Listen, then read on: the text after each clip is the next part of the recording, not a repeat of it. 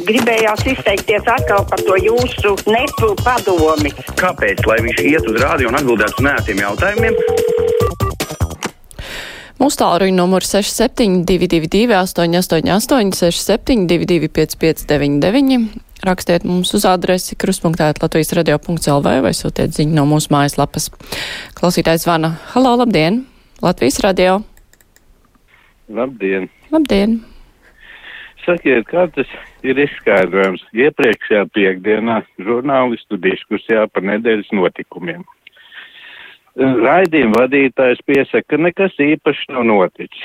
Te pašā laikā mediķi ir pie, pieprasījuši, ģimenes ārsti ir pieprasījuši, ārstu biedrība pieprasījuši ministra demisiju. Ministra demisijas jautājums izskatīt saimā iepriekšējā dienā, un žurnālisti stundas laikā to vispār pat nepiemin. Nu, ļoti interesanta attieksme. Paldies!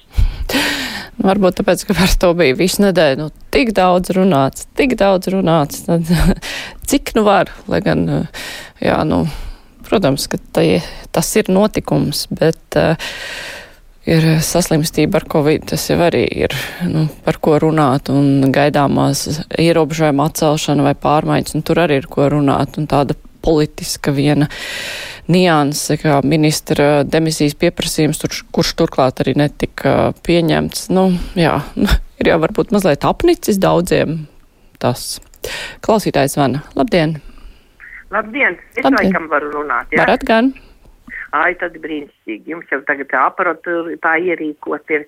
Jūs ziniet, es uh, redzēju šodien to Rīga 24 paskatījos un redzēju, kā poļiem dzen šitam to armiju, virsū ar armiju šitos te, tos uh, migrantus. Tas ir ārprāts, tas ir ārprāts. Jūs saprotiet, tur tādas domas, tur jau, es nezinu, Putins viens pats Lukašenko to nedomātu. Tur noteikti Putins palīdz. Viņš grib izraisīt, nu, lai viņi aizstāvētos laikam ar ieročiem. Nu, tas taču ir ārprāts. Ja mums nāktu virsū, mēs taču nevarētu. Mums aprītu tas pelmeņš. Nu, tātad. Jā, es atslēdzu jau, bet, nu, doma, doma saprat, mums cits klausītājs arī par šo tematu raksta. Viņš raksta, ka viņa prāt jau sen pienācis laiks pret nelegāliem migrantiem, tā saucamajiem patvērumu meklētājiem, būt daudz skarabākiem. Kas tagad notiek uz Polijas, Baltkrievijas robežas, tie nav nekādi patvērumu meklētāji, tie ir agresīvi pašlabumu meklētāji ar skaidri definētu mērķi Vācija, kamēr ar viņiem auklēsies, viņi paliks arvien bezkaunīgāki. Tur vēl ir tālāk diezgan daudz rakstīts, jā, un ka apzināti tur spekulā ar bērniem, te Eiropas Savienībai jādomā par savu drošību. Jā, nu tas ir pats trakākais, ka tur pa vidu visam ir iejaukt arī bērni, un viņi to izmanto, protams, un skaidrs, ka neviens jau negribēs brukt virsū, nu, tur, kur ir bērni, un tā ir tāda milzīga nelietība arī no to cilvēku puses, kuri to visu provocē, jo tās ir šausmīgas provokācijas. Izmantot uh, šādam te hibrīdu karam dzīvus cilvēkus, kuri varbūt nesaprot, ka tiek izmantoti, kaut kas viņiem tiek sasolīts, bet nu, tas ir vienkārši briesmīgi, jā, un tas, ka tur ir īstas ģimenes pa vidu iejaukts, nu, ārprāts. Klausītājs zvana. Halo, labdien, Latvijas radio. Labdien! Labdien! Te runā valstī par karteļiem būvniecību. Nav jau karteļi tikai būvniecība. Nu, arī būvniecība ir ceļu būvniecība, protams. Ir valsts iepirkuma kartelis.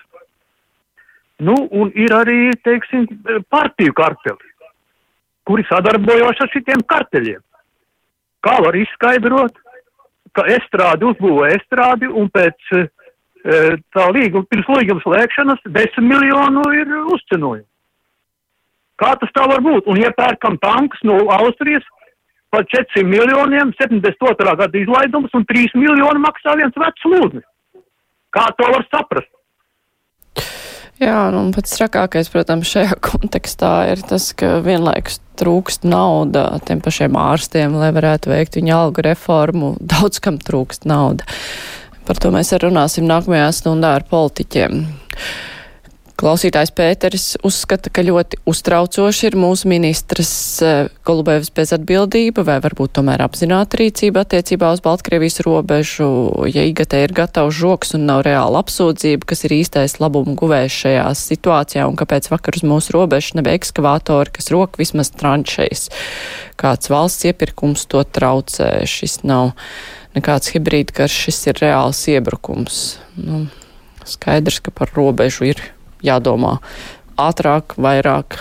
Un, um, tur jau ne tikai, protams, dzeloņas stieples var līdzēt, tur jau ir jādomā arī ārpolitiski, kā pret to vērsties, jo skaidrs, ka tas ir organizēts un tīri ar dzeloņas stieplēm to apturēt arī nevar. Klausītājs zvana. Labdien! Latvijas radio. Tas vispār ir ārprāts, kas tur notiek. Nu, tas ir kaut kāds ārprāts, tas ir tīrs karš. Puķins, protams, palīdzēja, viņi sagāja Puķins kopā ar uh, Baltkrievu prezidentu, un viņi tagad Putins viņam palīdz, un tas ir lielais draugs, un tas viņu vēl pamāca, ak, šitā nevar tam Eiropas Savienības valstīm parādīt. Nu, mēs parādīsim savādāk. Un tas ir pilnīgi draudi karam. Jā. Un, savukārt eh, klausītājs Linārds uzskata, ka šī brīža valdības diletantiskais darbs grauj ticību valsts iekārtai. Valdība strādā slikti, tātad par viņiem balsot nebūtu labi, jo par traņķīgu darbu viņus nedrīkst atalgot. Kas atliek gobšems, gobsems, šlesers, zezēs, saskaņa? Nepaldies, progresīvie. Nu, galīgi neesmu tik kreis. Nav variantu uz vēlēšanām neiešu. Tā raksta Linards. Es tikai Linardam norādīšu, ka citi aizies, un uh, tad jums būs jāsamierinās ar to, ko tie citi būs nobalsojuši. Klausītājs zvana. Labdien! Labdien! Esat ēterā? Jā, sveiki! Jūs dzirdat mani? Dzirdam gan. Jautājums ir tāds, vai krustpunkts ir vajadzīgs runāt. Es tā vienkāršākā valodā jums pateikšu, kopā sanāk cilvēki, papļāpā pa nopietnām lietām, pie tam pa ļoti nopietnām, pa valsts lietām it sevišķi. Un viss tas tā arī tiek izmests miskastē. Būtu pareizi pēc kruspunkta, pēc divām dienām, kāds no valdības tātad kāds ministrs vai vēl kāds cits atnāk un atbild uz tiem jautājumiem, uz tiem konkrētiem e, negatīviem jautājumiem, pa kuriem runā kruspunktā. Tagad atnāk papļāpā, aiziet, izmet ārā miskastē visas jautājumus, neviens jau nerunā par to, un nevienam tas neinteresē vairs, un neviens ne par ko mums Latvijā neatbild. Padomājiet par šitiem jautājumiem, lūdzu. Jā, paldies.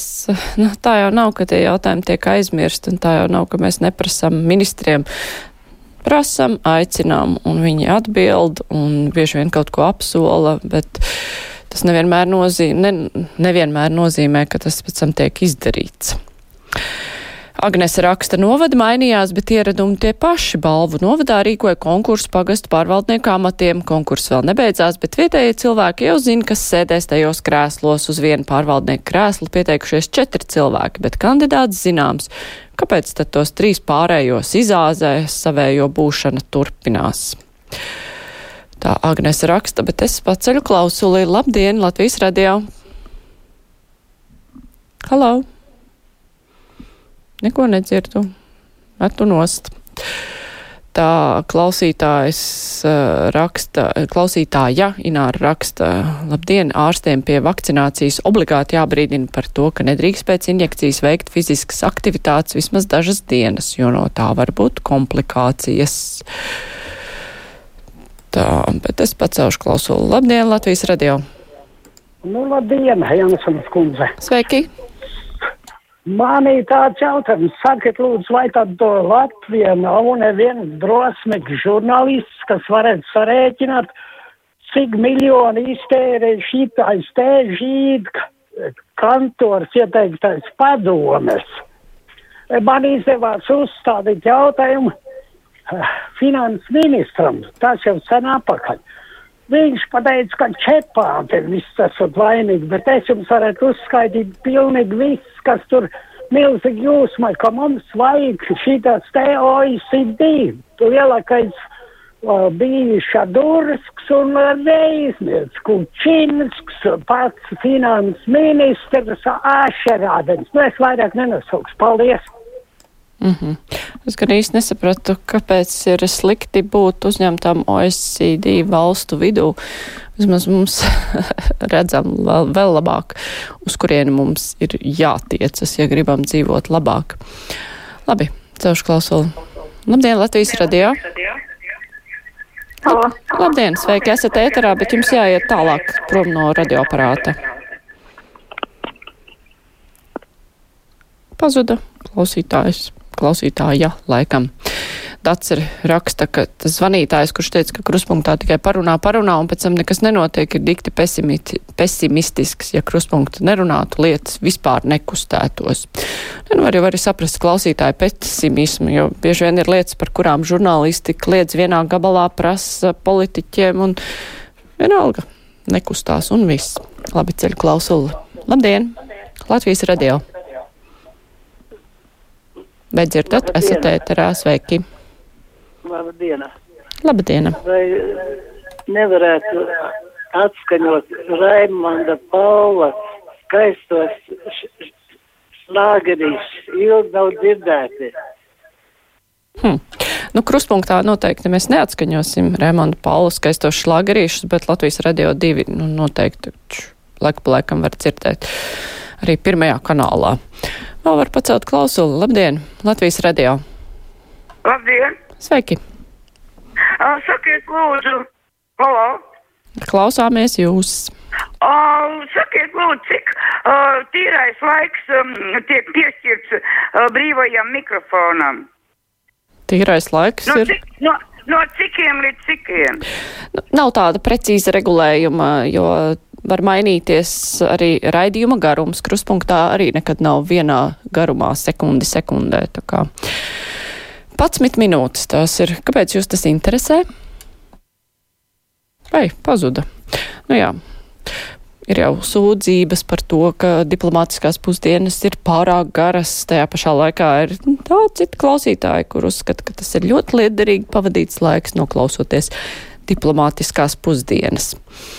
Tā Jānis raksta, ģenitīvs izgaist arī no Latvijas rādio, tikko Māri teica, nauda nav, nauda nav, piedodiet, bet naudas nav. Hm. Neticu, ka es teicu, nauda nav. Protams, var pārklausīties vēlreiz, bet man arī tāds, tāda izteiksme ausi, no tādas izteikšanās ausis sāpētu. Labi, brīvais mikrofons ar to izskan. Mēs pēc ziņām vienos pievērsīsimies nākamā gada budžetam, kad jau kopā ar saimnes deputātiem runāsim par to, ko tas paredzēs.